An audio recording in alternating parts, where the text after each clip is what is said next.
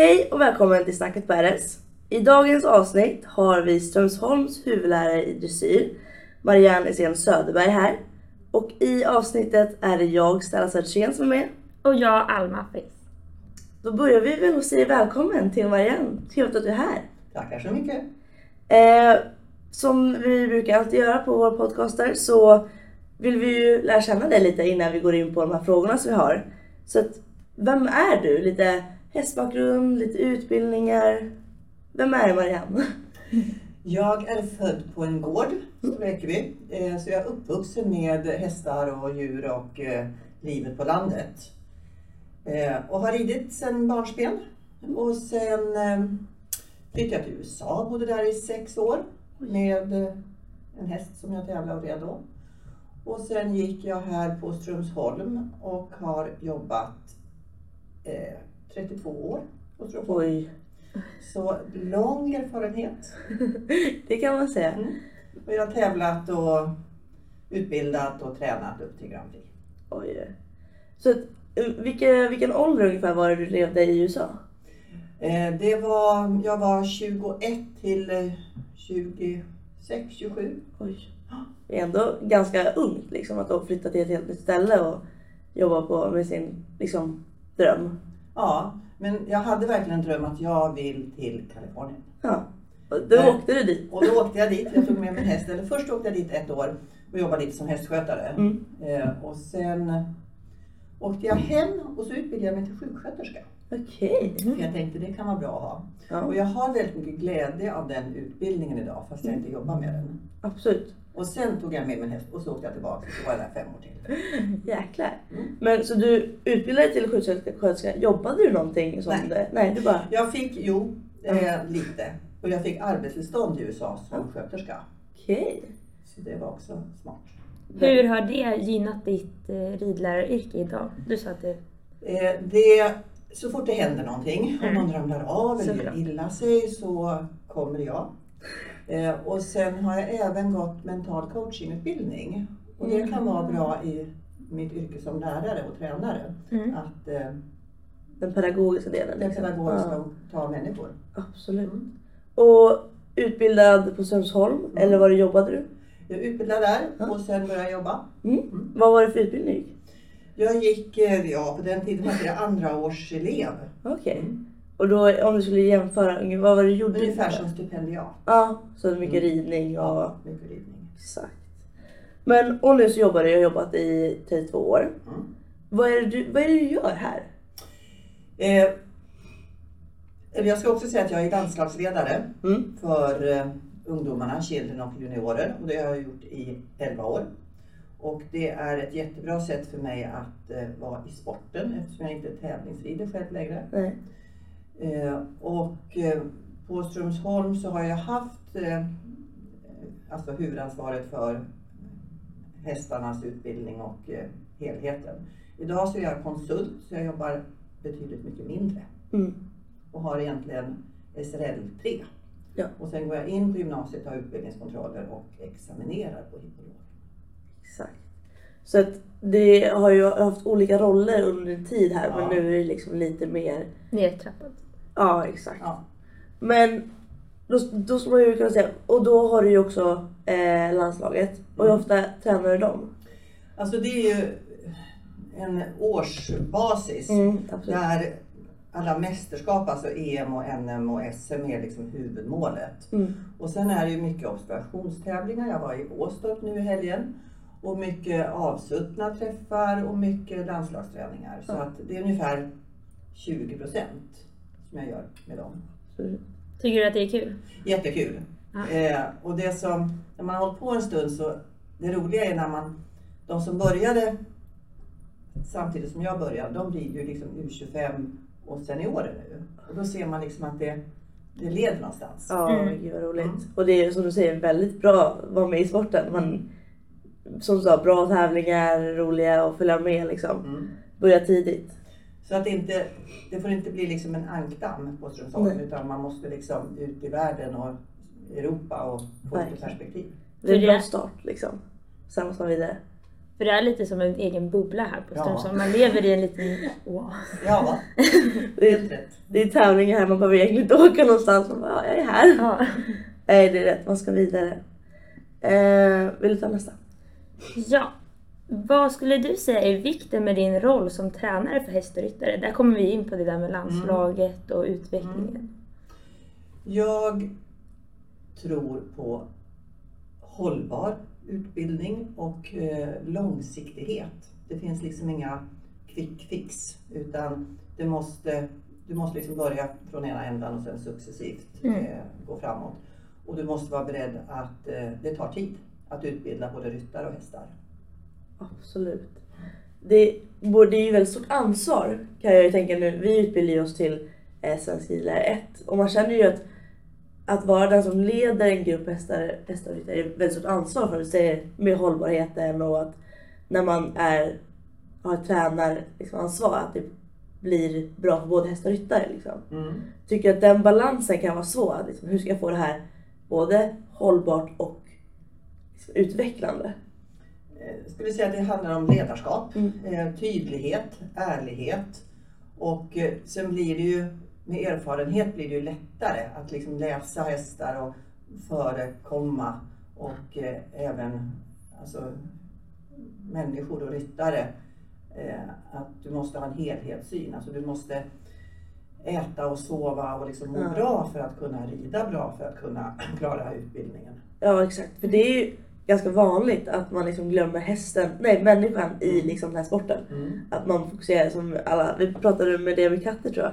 Mm. Att det var så här, man gör en så jävla bra häst, eller foderstart till hästen men sen så själv så äter man en kexchoklad när man tävlar. Liksom. Ja. Hur bra är Och det? det, det förekommer hela vägen upp i landslaget. Ja. Mm. Nej. Eh, och som när vi var inne nu på träning och så här. En väldigt kanske svår övning, eller svår fråga, men favoritövning? Har du det? Ja, jag skulle säga att alla övergångar, Mm. både i gångarterna och mellan gångarterna och få den här elasticiteten och balansen eh, skulle jag säga är nyckeln till framgång. Det är en väldigt bra övning för det gör man ju hela tiden. Mm. Och det är också väldigt, jag tycker att det är väldigt svårt att göra en perfekt övergång. Mm. Vad skulle, om du skulle ge tips, vad är det man måste tänka på för en bra övergång mellan till exempel trav galopp? Mm. Då måste du börja med ryttaren Mm. och komma i rätt ordning med hjälperna. Dels en egen grundposition och sen skänkeln och sist och minst handen. Mm. Och allt det ena leder till det andra. Och att förbereda och lära sig rätt teknik som jag sa och timing. Och sen få den här känslan av att man eh, sam, ja, samverkar, dansar med sin häst. Ja. Nej, vi pratade väldigt mycket när vi rider för David att han säger så här, man kan, som du säger med quick fix, att så här, okej du kanske tycker att eh, man, är, eller man är lite sned. Då kanske egentligen inte det gäller att du ska liksom räta till dig i axlarna utan du kanske måste kolla liksom i höften för att se vart kommer grundproblemet ifrån.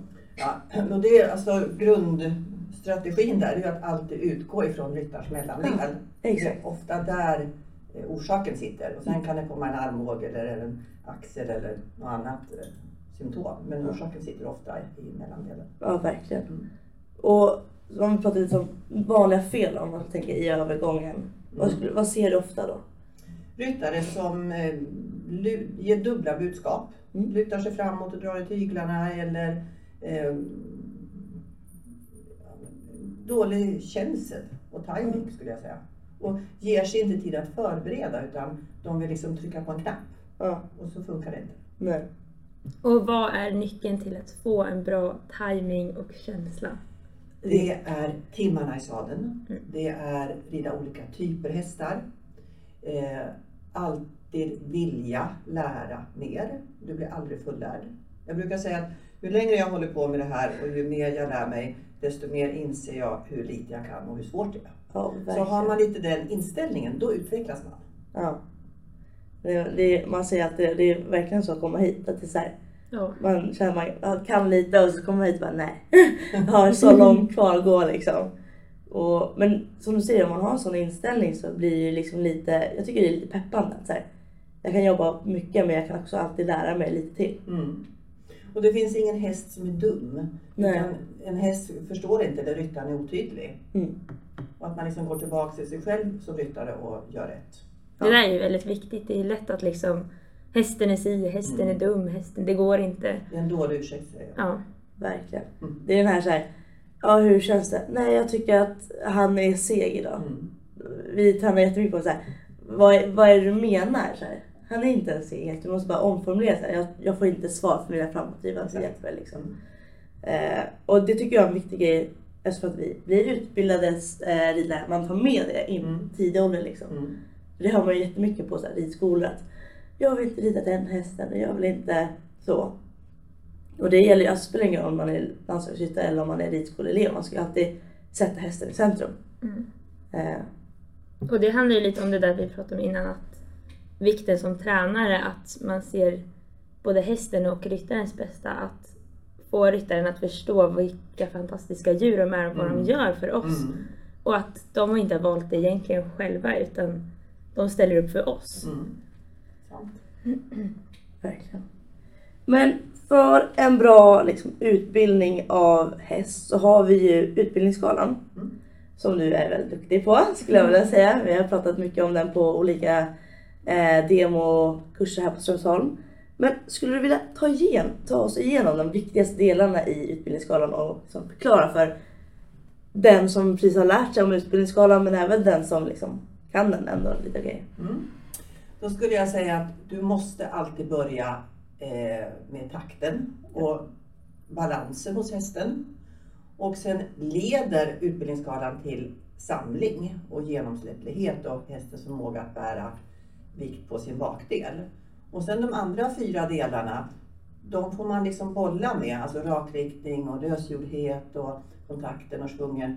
Eh, så att det är viktigt att man har målet klart. Ja.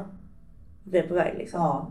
Och sen att du måste börja i rätt ända Mm. och hitta eh, rätt balans och bärighet och takt och tempo på hästen i alla gångarterna. Exakt.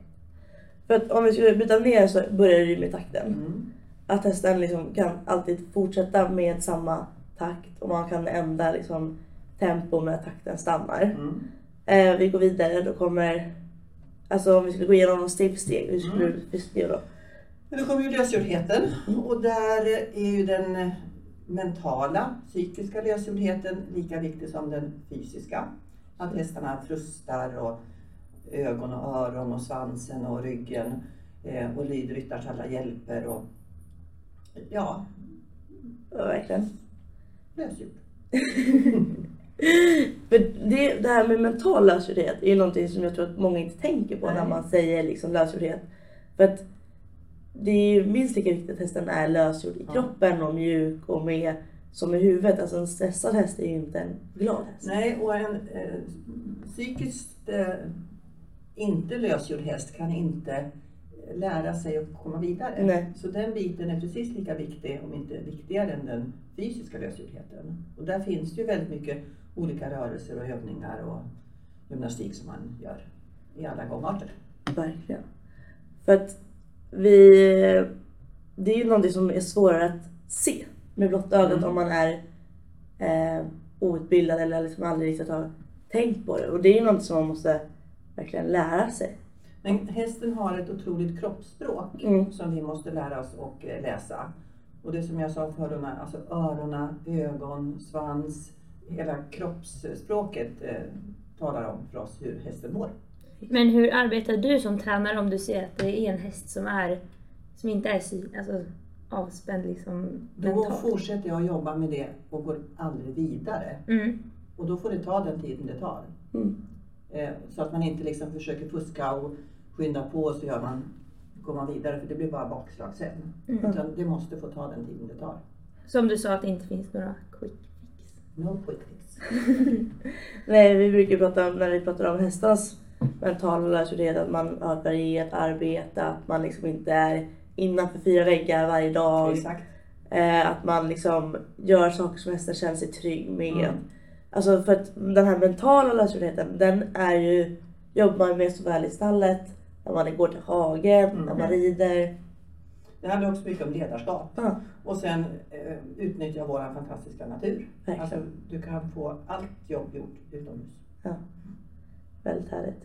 Sen är tredje är ju kontakt Mm. och stöd. Vilket man pratar väldigt mycket om att man börjar alldeles för tidigt nu. Nummer ett är ta tygen och ta en kontakt och stöd. Mm. Men du tar aldrig Nej, en exakt. kontakt. Utan du kan ta tyglarna Mm. och sen rider du fram till en kontakt. Exakt, och det är ju väldigt stor skillnad. Ja. Det låter kanske lika om man bara hör det. Mm. Men det är ju, beskriv, vad är skillnaden skulle du säga? Alltså så här, hur skulle du förklara för den unga ryttaren? Eh, man får inte säga inte, men absolut inte hålla balansen i tygen. Ja. För den nybörjare kan ju tycka att det är någonting som jag kan hålla Mm. balansen i. Eh, och så får det inte vara. Nej. Utan ryttaren måste lära sig att ha egen balans och sen som jag sa, ta tyglarna. Och sen genom att rida, alltså bakifrån med säte, skänkel fram till en kontakt. Ja. Ehm, och det får aldrig bli statiskt utan det måste vara elastiskt. Och du måste kunna klappa hästen på halsen, jättebra. Sitta kvar i balans och inte dra i tygen. Men Det är en väldigt bra check Mm. liksom. Mm. Är den kvar eller håller jag i den bara? Mm. Eh, och fyran har vi svung. Mm. Vilket kommer ofta lite bättre med alla de här tre stegen innan. Absolut, och det är ju enkelt förklarat. Det är ju hästens bakbensaktivitet. Eh, och att det finns, eh, svung finns bara i trav och galopp. Där det finns svävmoment, inte i skritten. Eh, och att det, som jag sa, det är från bakbenen genom ryggen och den här kadensen och energin. Verkligen. Och det är ju, det är som vi sa med kontakten, att det börjar ju på, från Mm. bakbenen. Hästens jag brukar motor. säga att eh, bakbenen det är hästens motor. Mm. Och den ska producera kraften. Eh, och sen ska framdelen ta emot det, absorbera. Och därför är det jätteviktigt att bakbenen verkligen fungerar och att hästen är lösgjord eh, i bogarna och genom kroppen för att kunna ta emot den eh, energin. Ja, verkligen. Och då liksom inte, som om vi, om vi slänger en ryttare, att man tar den i handen då. Så att hästen liksom går över lodet. Och man skulle kunna ta den med hela sätet. och- Ja, och då bara böjer hästen på nacken. Ja. Och det som är viktigt när jag ser på en häst, det är ju hur han använder sin bukmuskulatur och sin ryggmuskulatur. Ja. Eh, Så att det finns liksom ett samband mellan fram och bakdel genom ryggen. Verkligen. För jag kan ju tänka när jag var liten och man red på ridskolan och man såg en, eh, en ryttare rida. Såg man ju med sån här fina böjda halsen liksom. Mm. Och nu när man liksom har lärt sig mycket mer och så här så vet man ju att bara för att en häst har en böjd hals betyder ju inte att den jobbar Nej. väl genom kroppen. Och det är något som jag skulle vilja trycka på till de Mm. yngre ryttarna. Att så här, det är inte det ditt mål är när du ska bli lika bra som de andra utan det är ju att hästen ska jobba väl. Mm.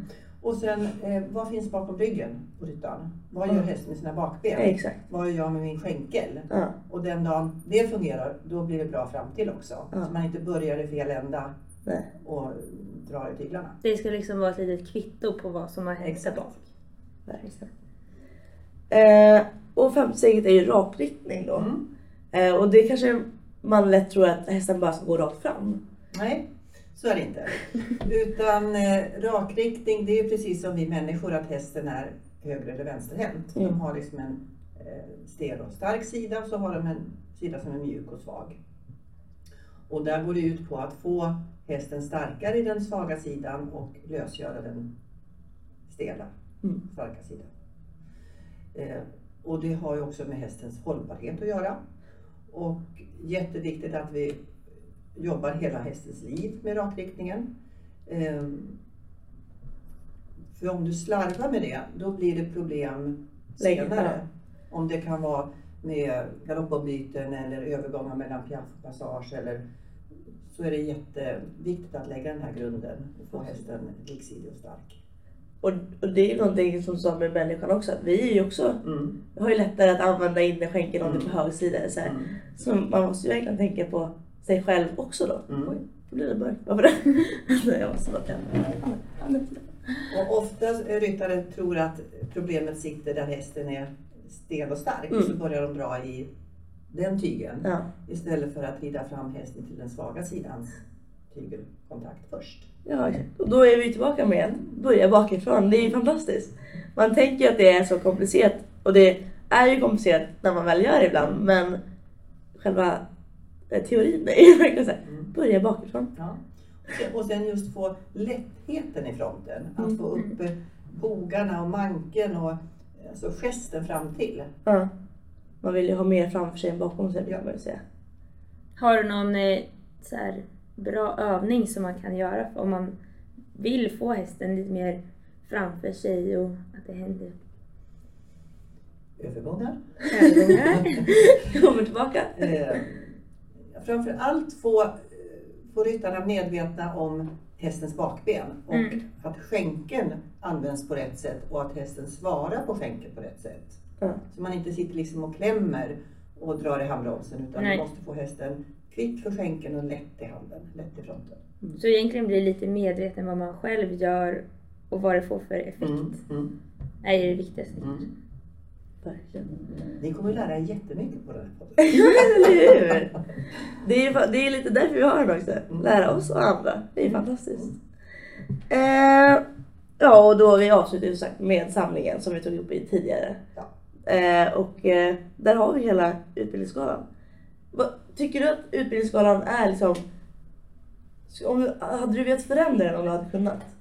Eller tycker du att den Ja, är men lite komplett? som jag sa i början, att jag tycker du måste börja från början och du, det leder till samling och genomsläpplighet. Mm. Och sen de andra fyra, de jobbar du hela tiden parallellt med. Ja. Du jobbar hela tiden med hela. Eh, men eh, Att det det går väldigt mycket hand i hand. Ja. Eh, och just när det gäller samling så har ju hästen ungefär 60 procent av sin vikt på framdelen och 40 på bakdelen. Och så hoppar vi glada ryttare upp på framdelen så blir det ännu mer belastning där. Ja.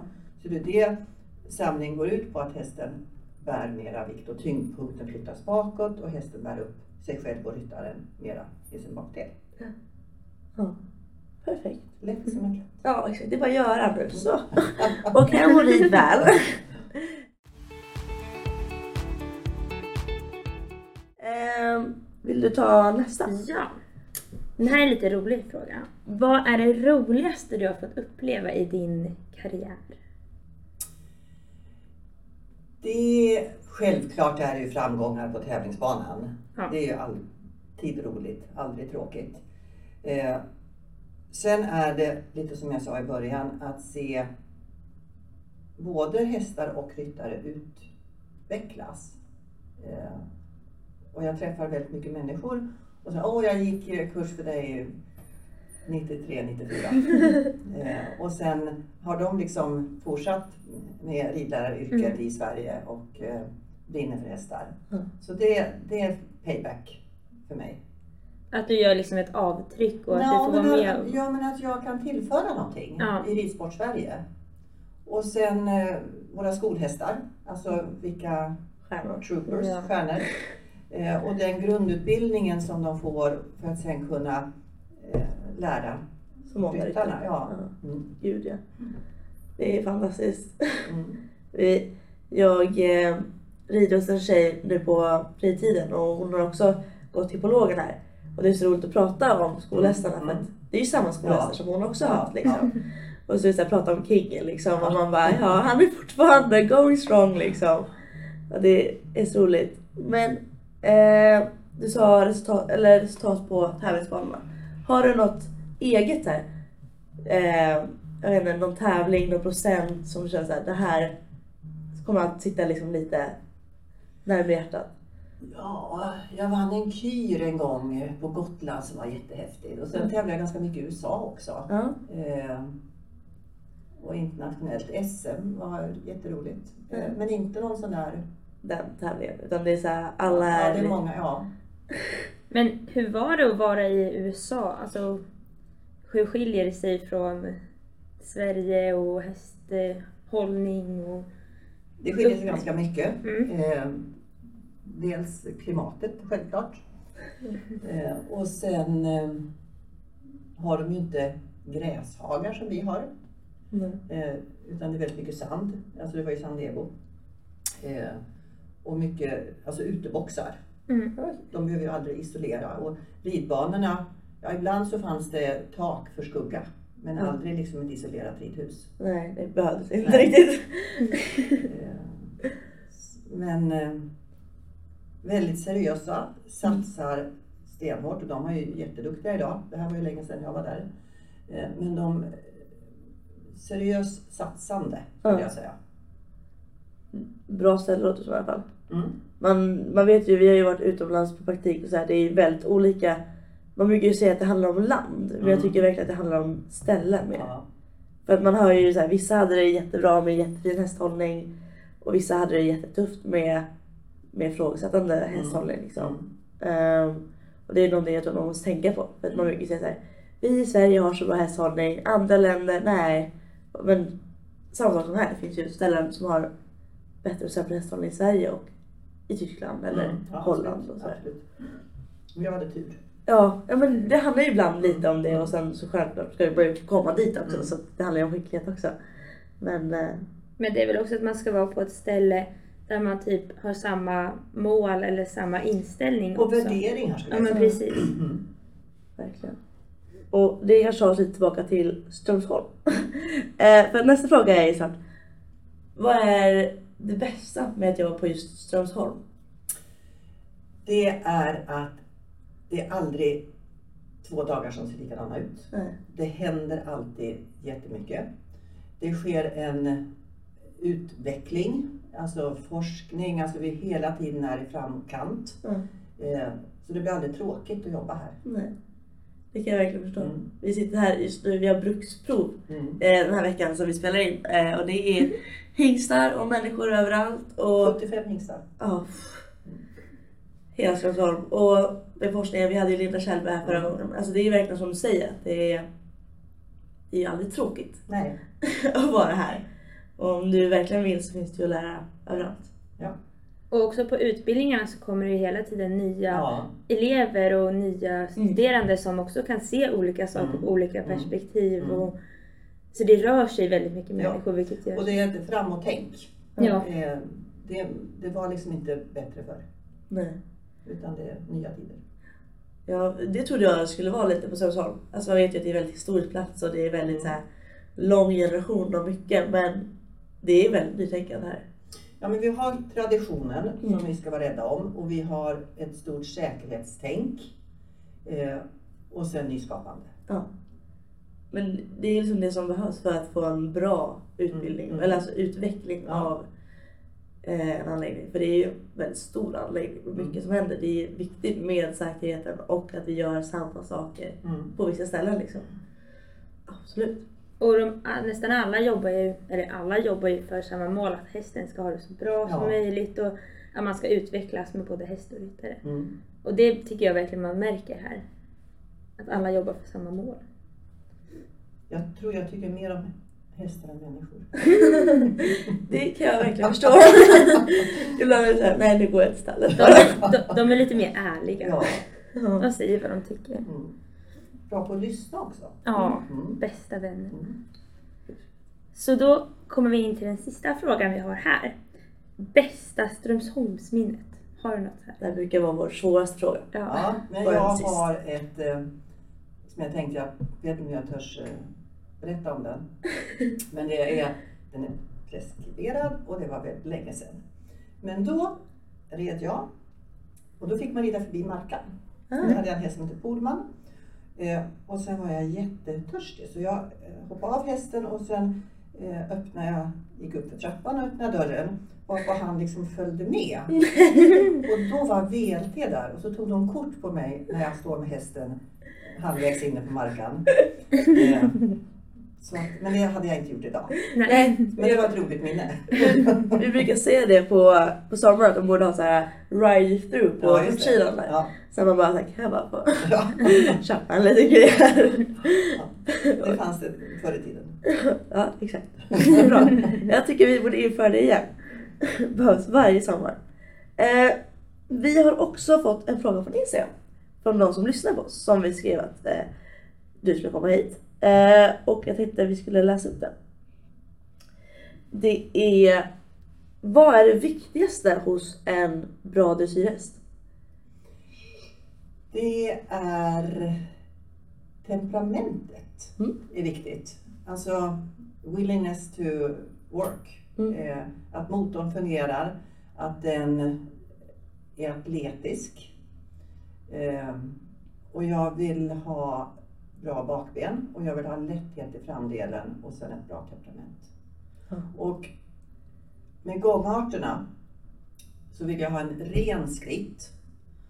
Och jag blir inte bländad av en ökad trav men däremot förmåga till samling och piaffpassage. Okej. Så att traven är, att man kan ändra på den. Mm, Och galoppen måste du ha liksom en tretaktighet och förmåga till samling. Ja. För när du kommer till Grand Prix så är det väldigt mycket samling i galoppen med piruetter och byten i vargen och sånt. Och sen är just piaffpassage viktigt. Mm. Och renheten i skritten. Så att, som vi märker återigen, grunden är Mm. viktigt. Man, om någonting att jobba på liksom. Mm. Jag struntar i vilken färg eller till, alltså härstamning viss, till viss del. Men det är individen och eh, att han vill. Ja. Mm. För, ja. Eh, Men jag tänker bara, du har ju varit med så många år i häst-Sverige speciellt då Mm. kanske. Har hästarnas temperament och ja, generellt hästarna förändrats under de här åren Jätte, med aveln? jätte, jättemycket skulle jag säga. Förr i tiden så var det ju liksom eh, militära, nästan körhästar. Mm. Med ett ben i varje hörna och som, ja, hoppning och lite dressyr och lite så. Och idag så har ju hänt jättemycket i aveln. Alltså en hopphäst ser ju ut på ett sätt och en dressyrhäst på ett Ja. helt annat sätt. Mm. Eh, risken är att det kan bli för mycket nerv och Mm. för känsliga för många ryttare Mm. och för att kunna prestera och tävla. Det kan bli alltså negativt. ja exakt. De, många tävlingshästar idag har ju mycket flykt i sig. Mm. Man vill ju inte att det ska slå över. Nej. Att de inte kan hantera att vara på en tävlingsplats till exempel. Mm. Och det är ju också väldigt många, oj. Det är ju också väldigt många ridskolor som är rädda för att de inte kommer hitta hästar Nej. längre. För att det är för mycket. Mm. Man vill ju inte ha en ärvig häst Nej. eh, på en ridskola liksom. För mycket blod. Verkligen. Mm. Men tror du att det här kommer påverka liksom i framtiden också? Att det kommer, eller tror du att vi kommer liksom balansera upp det? Jag tror och hoppas. Eh, det har hänt jättemycket med aveln, som jag sa, med dressyr och hoppning. Men jag skulle vilja avla en ridskolehäst. Mm. Eh, som är mera allround och framförallt har ett bättre mm, psyke. Ja, Det tror jag. Och då slipper vi liksom importera från Irland och Mm. överallt annars. För den efterfrågan är ju faktiskt Ja. väldigt stor. Mm. Mm. Man ser ju så många avels eller så stutterier som så här inriktar sig på Nej, men det är ju dålig ekonomi. Ja exakt. Det är så här, det är, de har ju inte så mycket pengar liksom. Vi har ett litet segment eh, som vi inte har delat med dig än tror jag. Som heter Fem snabba. Eh, och det går ju då ut på att eh, vi kommer ge dig två olika alternativ. Som till exempel röd och blå. Eh, och då ska du välja en utan alls mycket eftertanke eller en förklaring. eh, och sen så, ja vi kör. Känner du dig redo? Ja. Kanske lätt, lätt första men hoppning eller dressyr? Dressyr. Fartfylld utekväll eller lugn hemmakväll? Fartfylld utekväll. TikTok eller Instagram? Insta. Eh, sto eller barack? Vallack. Morgonfodring eller kvällsfodring? Morgon. Snyggt! Jävlar Bra jobbat! Man du- vet vad man vill ha. Du var nästan bäst på den där hittills tror jag. Alltså, det blir bättre och bättre. Ja. Folk börjar vara lite, sen så alla börjar bli lite bättre och bättre på det här. Så jag tror att de börjar lyssna på podden alltså. Ja. Väldigt bra jobbat. Eh, vi känner oss väl nöjda Ja, och vi vill tacka dig jätte- jättemycket för din tid. det var superkul att ha dig här. Tackar, tackar. Lyssnarna ska veta att Marianne har ett fullspäckat schema och att vi är väldigt glada att hon är med oss och att vi fick lite av hennes kunskap. eh, men eh, vi tackar för oss. Ja. Eh, påminner om att följa oss på sociala medier på Snacket på RS eller RS Podcast UF. Instagram, TikTok och eh, Spotify och eh, lyssna på den. Eh, tack så mycket och eh, hejdå! Hej då!